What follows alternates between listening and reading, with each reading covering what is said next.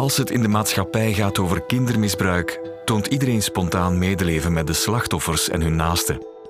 Maar wat maak je mee als iemand die je graag ziet een pleger van kindermisbruik blijkt, fysiek of online? Deze naasten zijn de vergeten slachtoffers in het verhaal. Hun leven staat ook op zijn kop, maar heel vaak kunnen zij op veel minder sympathie rekenen. De partner van Ilse en de broer van Katrien werden betrapt op online kindermisbruik. Ze zochten en vonden hulp. En ze proberen nu voorzichtig vooruit te blikken. Hij heeft eigenlijk gewoon levenslang. Want hij gaat levenslang die gevoelens hebben. Dat is niet een griepje waar dat je kunt van genezen. Hè? Ik kijk eigenlijk liever niet te ver vooruit. Ik heb wel moeite met de toekomst. En de experte Yves Goethals van de federale politie sectie Child Abuse, forensisch therapeut Els van Dalen, criminologe Minne de Boek en psychologe Glaucia van Rossum van Stop It Now maken een bilan op. Ziet de toekomst rond opvang van plegers van kindermisbruik en hun naasten er hoopvol uit? Maar de toekomst is voor alles en voor iedereen onzeker. Je weet gewoon niet wat er gaat gebeuren. Dat is, ja, Dit is De Dag die ik nooit meer vergeet. Aflevering 3. De toekomst. Seksualiteit. Het blijft een gevoelig onderwerp in onze samenleving. Dat is op dit moment zo en het ziet er niet naar uit dat dit in de toekomst direct makkelijker zal worden. Minne de Boek en Els van Dalen. Als ik verhalen hoor van bijvoorbeeld sensibiliseringscampagnes rond het bespreekbaar maken van seksualiteit in het algemeen, dan gaat het niet over seksueel afwijkend gedrag. Als er posters en affiches verspreid worden onder huisartsen, maar als het over seks gaat, dan worden ze in de wachtzaal van de muur gescheurd, hè, want die gaan we hier toch niet openlijk in de wachtzaal hangen. Zo'n situaties bestaan van de dag van vandaag nog altijd. Ja, laat staan dat het dan heel erg moeilijk is om een thema als seksueel deviantie, seksueel afwijkend gedrag of seksueel mogelijk problematisch gedrag bespreekbaar te maken. Dus daar is echt nog wel wat werk aan de winkel. En dan komen we eigenlijk een beetje terug aan, aan de start van het verhaal. Maar dat is misschien wel een belangrijke boodschap voor de toekomst. Als we preventief willen werken, moeten we zowel gaan kijken op primair niveau, op algemeen maatschappelijk niveau, als op secundair niveau, waar we gaan kijken naar potentiële risico's, potentiële risicogroepen. En dan ook uiteraard tertiair niveau, dus het uh, reageren op uh, wat er plaatsvindt om te voorkomen dat het opnieuw gebeurt. Ik vind uh, de problematiek van naasten en de problematiek van seksueel misbruik court is ook een intens emotioneel probleem. Hè. Mm -hmm. En als het over emotionele problemen gaat, hè, dan laat het verstand ons soms uh, in de steek. Mm -hmm. En uh, ik, ik vind het daarom inderdaad goed dat we verschillende manieren zoeken om een beetje de gemoederen te bedaren, om te kijken in iedere situatie wat een wenselijke of een gepaste uh, reactie uh, zou zijn. Hè. Het gaat ook over seksualiteit. Dat is tweede. Um, ja, ik denk dat we nieuwe ma maatschappelijke manieren moeten zoeken om die seksualiteit en nieuwe vormen van seksualiteit, uitingsvormen van seksualiteit, een plek te geven. Hè. Want er zijn zo onderstromen die u al aankondigt. Dus ja, voor hulpverlening het gaat altijd ingewikkelder worden, denk ik. De maatschappij en hulpverlening staan volgens de experten voor grote uitdagingen. Maar ook voor de getuigen is de toekomst onzeker. De broer van Katrien kwam net voor de zomer voor het gerecht en werd veroordeeld tot autonome probatie. Geen gevangenis dus, maar wel veel voorwaarden die opgevolgd moeten worden. Een milde straf die Katriens broer de mogelijkheid gaf om terug aan de toekomst te werken. Na een heel zwaar jaar, een ontzettend zwaar jaar, gaat je een volgende zomer in, laat ons zeggen. En waarbij je even perspectief en, de deur op een kier zet, vooral voor hem. Want je hebt zoiets van, man, zet jij die je leven weer op de rails moet krijgen? Ik probeer wat... Ik kan weer wat afstand nemen, dat is nu uitgesproken. Dat was een vreselijk jaar. Dat wachten, dat... Maar goed, allee, het is nu duidelijk. En dan juist voor het einde van de grote vakantie, twee dagen voor de periode van 40 dagen ten einde zou zijn, is er dus beroep aangetekend. Hè? Ja, Openbaar Ministerie is dat, heeft beroep aangetekend. En kunnen we dus opnieuw afwachten. Dan krijg je een telefoon van een compleet ontredderde persoon die over de rode gaat tot en met, met alle begrip. Hè? Maar toen stond het ook weer even stil voor mij. En dan denk je, waarom? Waarom? Wat kan dit nu bijdragen? Op wat zal het nu uitdraaien? Wanneer gaat dit nu voorkomen? En ja, daar moet je dan weer mee verder. Maar de toekomst is voor alles en voor iedereen onzeker. Weet je ook niet wat er wordt nog gebeuren? Dat is, ja, dat- Ja, nee, nee, absoluut. Oh, ja. Ik weet het, dat is misschien heel raar voor te zeggen, maar die mensen zijn en zitten in de problemen. Die naasten vooral zitten in de problemen. Maar niemand van ons kan voorspellen in normale omstandigheden al wat er morgen al gebeurt. Laat Nee, staan. dat is waar. En dit, allee, Ja. twee dagen voor beroepsvertegenwoordiger, we gaan, gaan, gaan het parket in beroep. Ja, is- Ja. je moet al wachten tot die veertigste dag om te zien dat er geen beroep komt. Mhm. En dan moeten we weer... voilà, dus dat- ja, alles is ja. onzeker. ja, dat is waar. En ik, misschien ook heel hard voor te zeggen, maar ook die mensen moeten daar ergens een klein beetje bij leven. Ik begrijp dat het heel moeilijke omstandigheden zijn, maar dat is voor vele mensen zo. Hè. Voor Katrien en Ilse is onzekerheid over de toekomst een zekerheid. Ik denk dat het zeer belangrijk is dat wij ook zeker voor ogen moeten houden dat dat levenslang is. Ik zei daarnet van, hij is eigenlijk levenslang geïnterneerd. Nee, hij heeft gewoon levenslang. Want hij gaat levenslang die gevoelens hebben. Dat is niet een griepje waar dat je kunt van genezen. Hè? Dat is heel moeilijk. En dat blijft tot nu toe iets van... Oké, wat haalt hij, de persoon die ik ken, wat haalt hij uit die beelden? Er, is toch iets, iets binnengeslopen. In, in al die kronkels. Ja, ik heb dat voor mezelf zo genoemd om het gemakkelijker te plaatsen. Ik noem het ziekelijk. Het is iets zieks. Het zijn kronkels. Het is niet oké. Maar als je dat doet en je weet dat dat niet oké is, als je die beelden bekijkt en daar iets, ergens iets uithaalt, en je gaat daar iets uithalen, want anders dan gaat het er niet naar kijken. Maar als jij dat nodig hebt, en, en zo lang opnieuw, want voor mij blijft dat, ja, juist deze. Maar ik heb er eigenlijk, ik heb er al behoorlijk wat moeite mee gehad. Ilse en Katrien proberen het allemaal te vatten, maar ze blijven met veel vragen achter. De maatschappelijke reactie maakt die verwarring soms nog groter, want de omgeving reageert geregeld milder als het maar om online kindermisbruik gaat. De experten zijn het hierover roerend eens met elkaar. Dat is niet minder erg.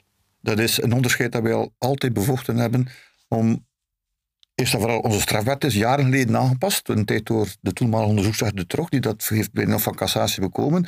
Het online laten doen van seksuele daden door een minderjarige is hetzelfde als het fysieke aantasten van de minderjarigen. Geen enkele discussie. En om online beelden te verspreiden, moet je wel eerst ook kindermisbruik dan offline. Dus dat onderscheid bestaat natuurlijk. Ja, online is verspreiden en in de gevallen van aanzetten tot grooming bijvoorbeeld, is ook zoiets dat online gebeurt.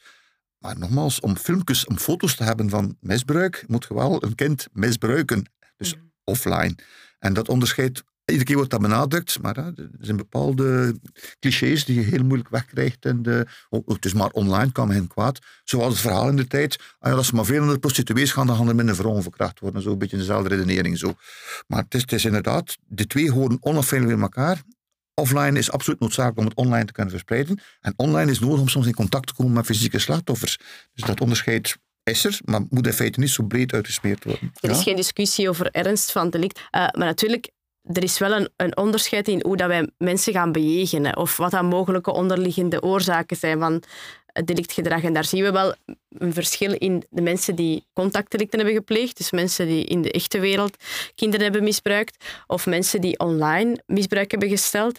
En online zijn er ook nog zoveel verschillende soorten eh, gedragingen. Hè? Want de online wereld is zo groot, daar zijn zoveel mogelijkheden, dat, dat evolueert zo snel. Dat uiteraard het verschil tussen eh, online of offline is wel belangrijk voor de opsporing, de vervolging, voor de behandeling, de bejegening van de problematiek. Maar effectief het onderscheid maken tussen beide in functie van ernst, dat lijkt mij echt een discussie die we niet moeten voeren, want het is gewoon... Je hebt de RDCA, Long Distance Live Abuse. Dat is gewoon, je zit achter gitaar, een livestreaming en hij zegt, oh, ik wil dat dat meisje door die man dat ondergaat. Pleegt hij even hard misdrijf. En dat is volledig online. Want zelfs in die landen wordt dat dan uitgelegd. Ja, maar ja, dat is niet zo erg, want het is maar, hij komt er niet aan, uw verdachte is er niet aangekomen, het is door onze eigen mensen gebeurd. Nee, dat kind wordt misbruikt en ik denk niet dat dat kind zich veel vragen stelt of dat door een kennis is of niet, of dat online is of niet. Het onderscheid is, zoals je terecht zegt, enkel in onderzoeksmethodes en strafbepaling, maar uiteindelijk is dat altijd even erg. We zijn eigenlijk als mens heel goed in eh, onszelf gerust te stellen. Dat is bij naasten eigenlijk ook wel zo. Je wilt een, een manier vinden om ervoor te zorgen dat het makkelijker voor jou is om je partner of je familielid te steunen. En het, het is ook zo dat het gemakkelijker is om te zeggen van ja, maar ja, hij heeft geen kind misbruikt, hij heeft gewoon online beelden gekeken. Maakt het gemakkelijker, want het stigma wordt een beetje kleiner omdat de maatschappij het ook zo bekijkt.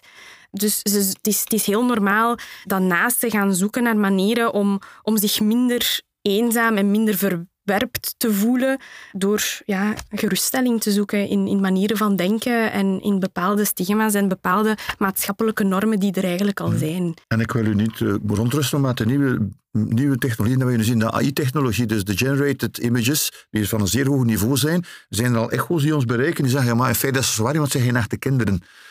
Nee, maar die filmpjes zullen wel gebruikt worden om echte kinderen te verleiden tot misbruik. Dus dat is een nieuwe dimensie. Mocht u eraan verwachten in de komende maanden, gaan er ook daar mensen mee geconfronteerd worden. Er zullen ook players zijn die dat als eerste stap zetten. En dan al dan niet, hopelijk van nee, als jullie je werk goed doen, niet naar die echte kindermisbruik gaan gaan. Maar dat is een nieuwe stap in de dingen. De technologie gaat zeer snel vooruit. En het misbruik die daarmee te par gaat, gaat ook zeer snel vooruit. Naasten hebben vaak hulp nodig om die chaos van gevoelens en meningen te plaatsen. In die zoektocht kwam Ilse bij Stop It Now terecht. Deze hulplijn is er voor wie zich zorgen maakt over zijn eigen seksuele gevoelens voor of gedrag naar minderjarigen en voor de naasten van deze mensen. Maar toen ze voor het eerst naar de hulplijn belde, kwam ze op het antwoordapparaat terecht. Als ik toen belde, kreeg ik de eerste keer een bandje te horen met de openingstijden.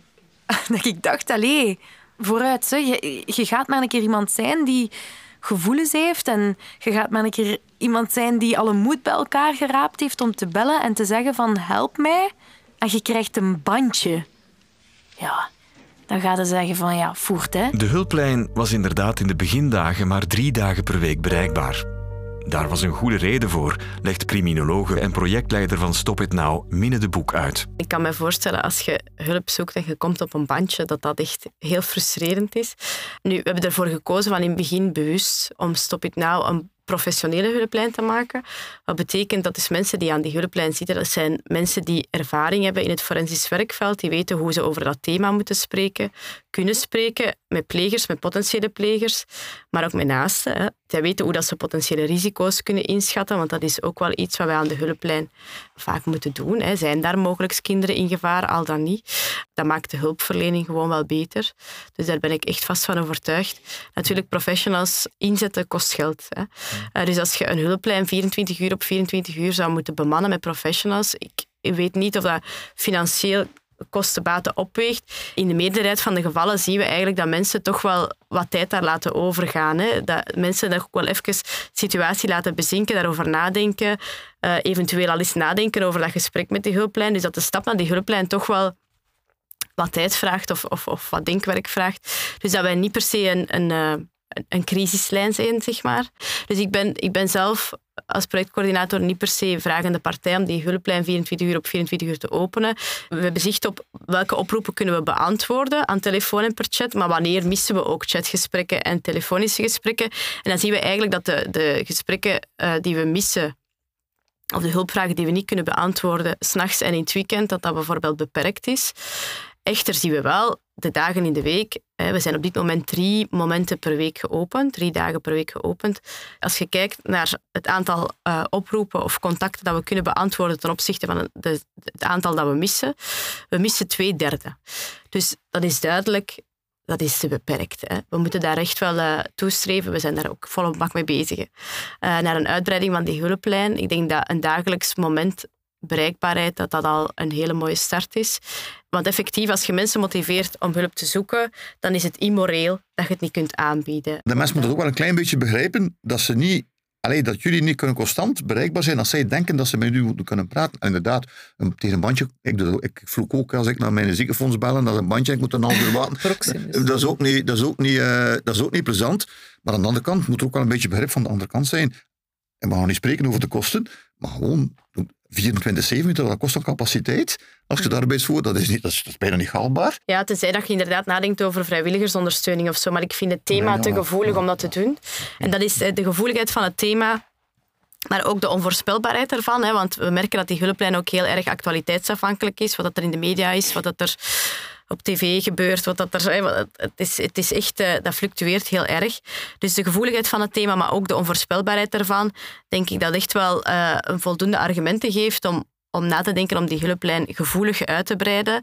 Maar 24 uur op 24 uur open zijn, dat lijkt mij niet echt realistisch. En dan ben ik eerder voor het gaan voor kwaliteit en professionele hulpverlening dan maximaal open zijn met, met vrijwilligers. Volledig akkoord.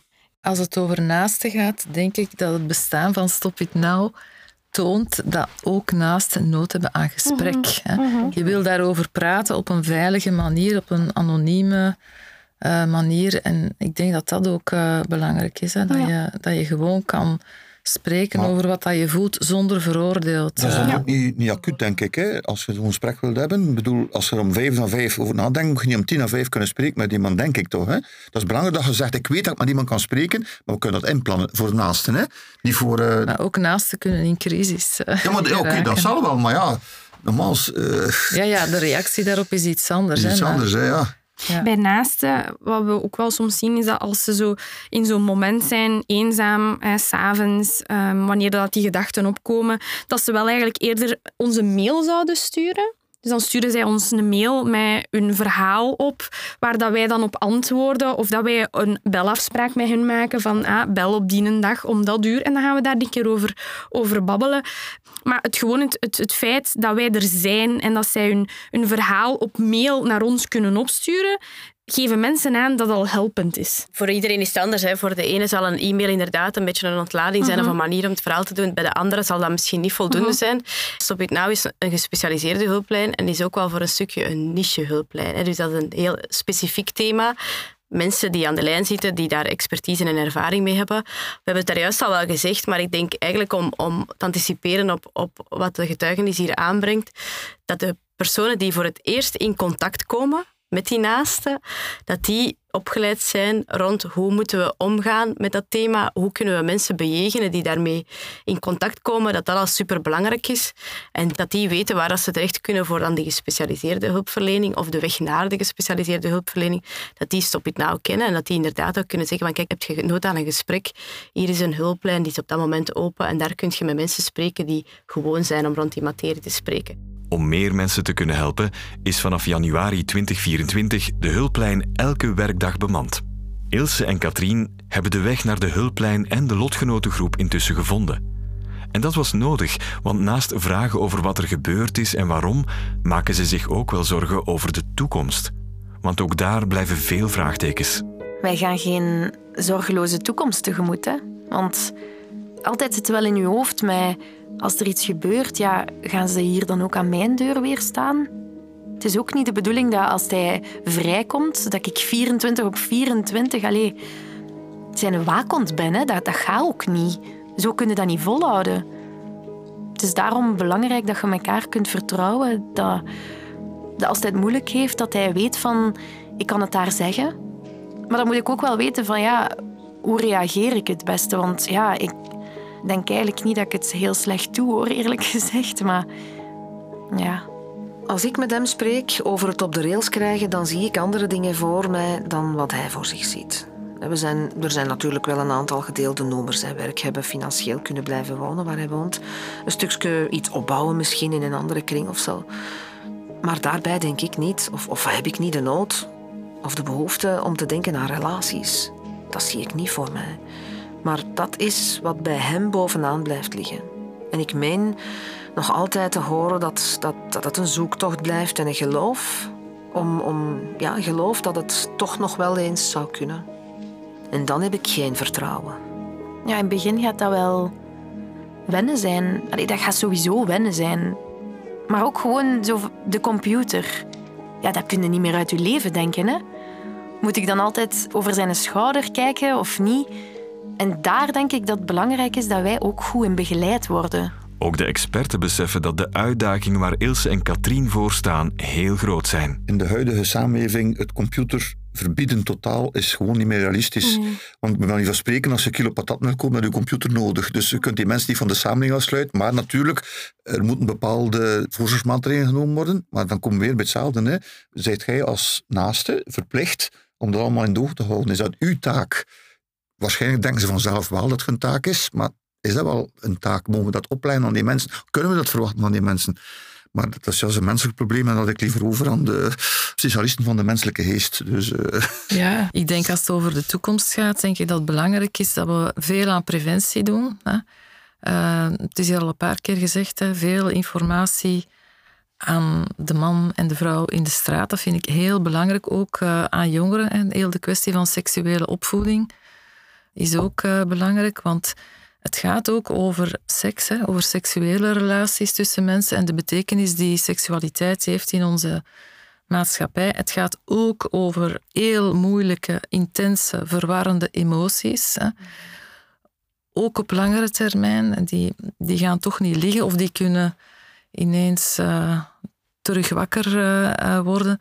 En ja, ik, ik, hoop dat hulpverlening toegankelijker kan worden. Ook voor naasten, voor uh, mensen die nog niet gepleegd hebben en die zich zorgen maken over zichzelf, dat die ergens terecht kunnen. Hè.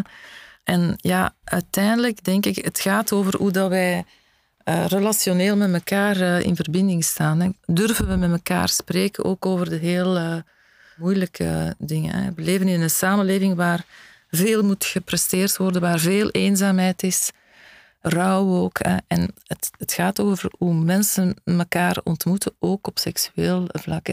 De vraag is ook van, wat betekent het hè, dat er zoveel seksueel misbruik uh, wordt gepleegd en wat leren we van de mensen die stoppen met misbruik uh, plegen? Hè? En welke rol kunnen naasten daarbij spelen, vind ik heel belangrijk. Ja. Naast moeten zeker ondersteund worden. Want chapeau van de madameke, dat is eigenlijk een droom van de toekomst. Want allee, onderbewuste wantrouwen, allee, ik, kan, ik kan me dat niet inbeelden dat een mens elke dag moet doorbrengen van is een half uur te laat, waar is het? Dat, dat, moet enorme druk zijn op haar. Dus chapeau als je dat wil doen. En vandaar dat ik nogmaals, preventie is fantastisch belangrijk, maar ondersteuning en ook, daarna, ook de preventie daarnaast misschien. Maar dan is de maatschappelijke preventie is heel belangrijk. We kunnen niet meer zonder gewoonweg. Die preventie moet ondersteund worden, moet versterkt worden. En naasten moeten zeker gezien worden als ja, een, een ja, ik zou zeggen collateral damage, maar dat is, onder, dat is een onderschatting ervan. Want je bent slachtoffer, punt. Je bent even hard slachtoffer. Ik blijf nog altijd uh, bij de gedachte van uh, een naaste kan niet verantwoordelijk zijn voor de daden van een pleger. Dat, dat kan gewoon niet. Ze zijn daar niet verantwoordelijk. Wij zeggen altijd, het is de bedoeling dat vertrouwen terug wordt opgebouwd. Maar vertrouwen kan niet, niet, niet worden terug opgebouwd als jij constant in wantrouwen moet leven van, zei jij iets aan het doen? Of allee, gedraagt u wel netjes. Dat, dat kan niet. Je moet de kans geven om, om die vertrouwen terug te laten komen. En ja, misschien in het begin hè, dat, je, dat je zo de vertrouwen moet terugwinnen. Maar dat kan niet blijven. Maar je dat menselijk aspect controleren.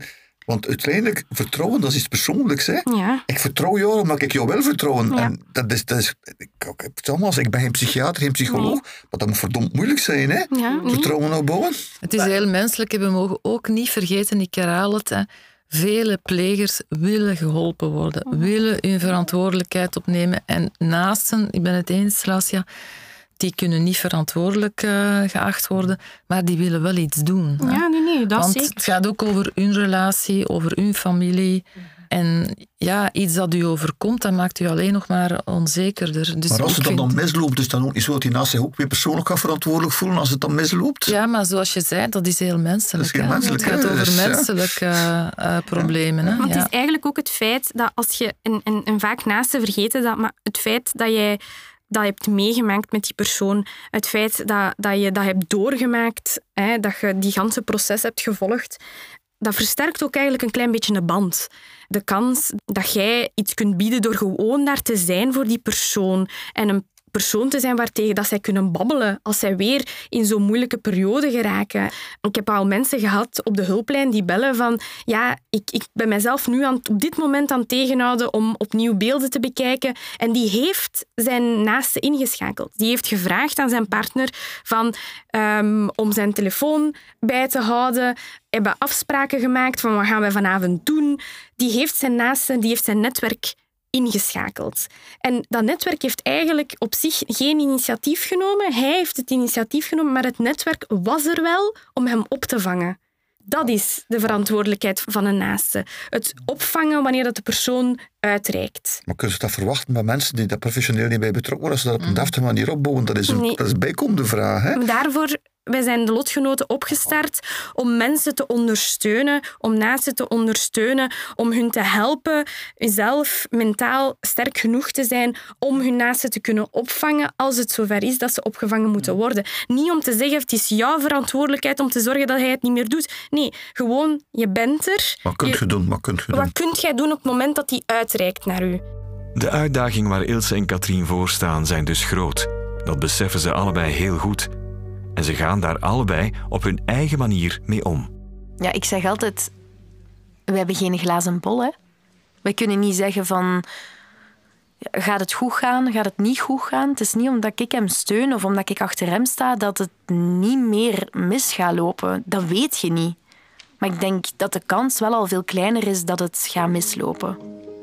Ik denk, ik denk dat er een aantal dingen wel heel duidelijk zijn. Het kerngezin, ja, laat ons zeggen met mijn partner erbij, dat kan af en toe nog wel eens onder bepaalde vormen. De verjaardag van een van de ouders, ja, laten we daarvoor gaan. Maar dat is het ook, hè, denk ik, wat familiebeleving betreft. En dan heb ik het over met hem erbij, want er zullen, er zullen wel andere vormen zijn waarbij mensen in de familie elkaar opzoeken. Maar naar hem toe, nee. Hoe zie ik het? Voor het moment kan ik daar. Uh, durf ik ook niet. Wil ik daar ook niet te veel over zeggen. Ik hoop van harte dat hij een job mag vinden. Zodat hij een stuk weer op een werkvloer kan komen, zich zinvol kan bezighouden. Dat het een haalbare job is. En dat er mensen zijn die, ja, zijn diagnose, zijn problematiek. Want de druk is altijd groot geweest hè, bij hem. Dat, dat, zie ik, dat, ziet hij ook. Om, om te voldoen aan dat gaat allemaal op een lager pitje moeten, hè? zijn werk en zijn taken. Maar hij krijgt daar ook de nodige begeleiding voor om, om te zoeken. Ja, en dan nog, als er binnen een paar maanden een uitspraak is, en dat kan van alles betekenen, gaan er van effectief iets uitzitten, ik ga daar zeker niet naïef in zijn, ja, dan, dan zou ik hier weer iets anders zitten zeggen. Hè? Van hoe ziet je de toekomst? Dus ik kijk eigenlijk liever niet te ver vooruit. Ik heb wel moeite met de toekomst. Ik heb er vertrouwen in dat wij nog een heel goed leven gaan kunnen hebben, dat wij nog gelukkig gaan kunnen zijn. Als hij eerlijke kansen gaat krijgen, tenminste, want dat is ook nog af te wachten natuurlijk. Ja, het gaat over een, een proces een herstel van relaties of herstel van vertrouwen. En dat is natuurlijk geen af- en aanknop. En zoals Els daar juist heeft aangegeven, van natuurlijk in een toekomstverhaal zal dat ook nog een beetje fluctueren. Het zal dat ook met ups en downs gaan, gelijk als dat, dat in ander herstel van relaties is of in, in het herstel van vertrouwen is. Dat is een proces en ik denk dat we daar als professionals ja, zo goed als mogelijk moeten in ondersteunen in dat, in dat proces. Effectief samen gaan kijken van oké, hoe kan de professional uh, ondersteuning bieden aan de naaste om ondersteuning te bieden aan de pleger, maar ook hoe kan de professional ondersteuning bieden aan de naaste als ondersteuning puur en alleen voor het welzijn van die naaste. Hè. Want wat ik toch ook wel hoor in beide getuigenissen, en dat is toch wel iets wat ik heel vaak te horen krijg, is vanaf dat je in dat politioneel en dat justitieel systeem ziet dat er heel veel onduidelijkheid is, dat er heel veel onzekerheid is. En dat, dat is geen verwijt, natuurlijk, dat, dat, dat, vraagt tijd, zo'n zaken. Maar natuurlijk, naast willen graag concreet aan de slag gaan, al zien als ze kiezen om een relatie te herstellen, ja, dan wil je graag een richting uitgaan. En natuurlijk, die richting, dat kan af en toe wel een beetje doorbroken worden door bepaalde onzekere factoren, zoals gaat iemand veroordeeld worden, gaat iemand in de gevangenis terechtkomen, al dan niet. Wat gaan andere dingen zijn die ons pad gaan kruisen? Dus het is zeker geen evidente, dat toekomstverhaal. En zoals we er juist al hebben gezegd, het gaat natuurlijk niet over één momentopname waar de mensen dan indirect slachtoffer worden of, of de vergeten slachtoffers worden. Dat is wel iets wat een langere tijd kan uh, doorduren en mogelijk waarschijnlijk wel dat iets dat je heel je leven meedraagt. Een werk van lange adem dus. Misschien wel voor altijd. En niet simpel. Maar Ilse kijkt vol vertrouwen naar de toekomst. Min of meer. Ben ik daar 100% zeker van? Nee. Maar ja, dat zeiden nooit. Want als je verder moet gaan zonder vertrouwen te hebben in het feit van wij gaan het goed doen of we gaan dat goed kunnen, dan moet je er niet aan beginnen. Hè? Dus ja, ik heb er vertrouwen in, ja. Dit was de podcastreeks De Dag die ik nooit meer vergeet. Een podcast van Veerle Segers over hoe het is om iemand graag te zien die zich inlaat met kindermisbruik. Ilse en Katrien zijn schuilnamen En om hun privacy te beschermen werd het interview nagespeeld door stemacteurs. Maar hun verhaal en hun moed zijn heel echt. Dankjewel voor jullie eerlijke getuigenissen. Dank ook aan de experten Yves Goethals, Els van Dalen, Minne de Boek en Glaucia van Rossum. Heb je zelf nog vragen voor Stop It Now? Dan kan je terecht op hun website www.stopitnow.be. Je kan bellen naar 0800 200 50, chatten of mailen via vragen@stopitnow.be.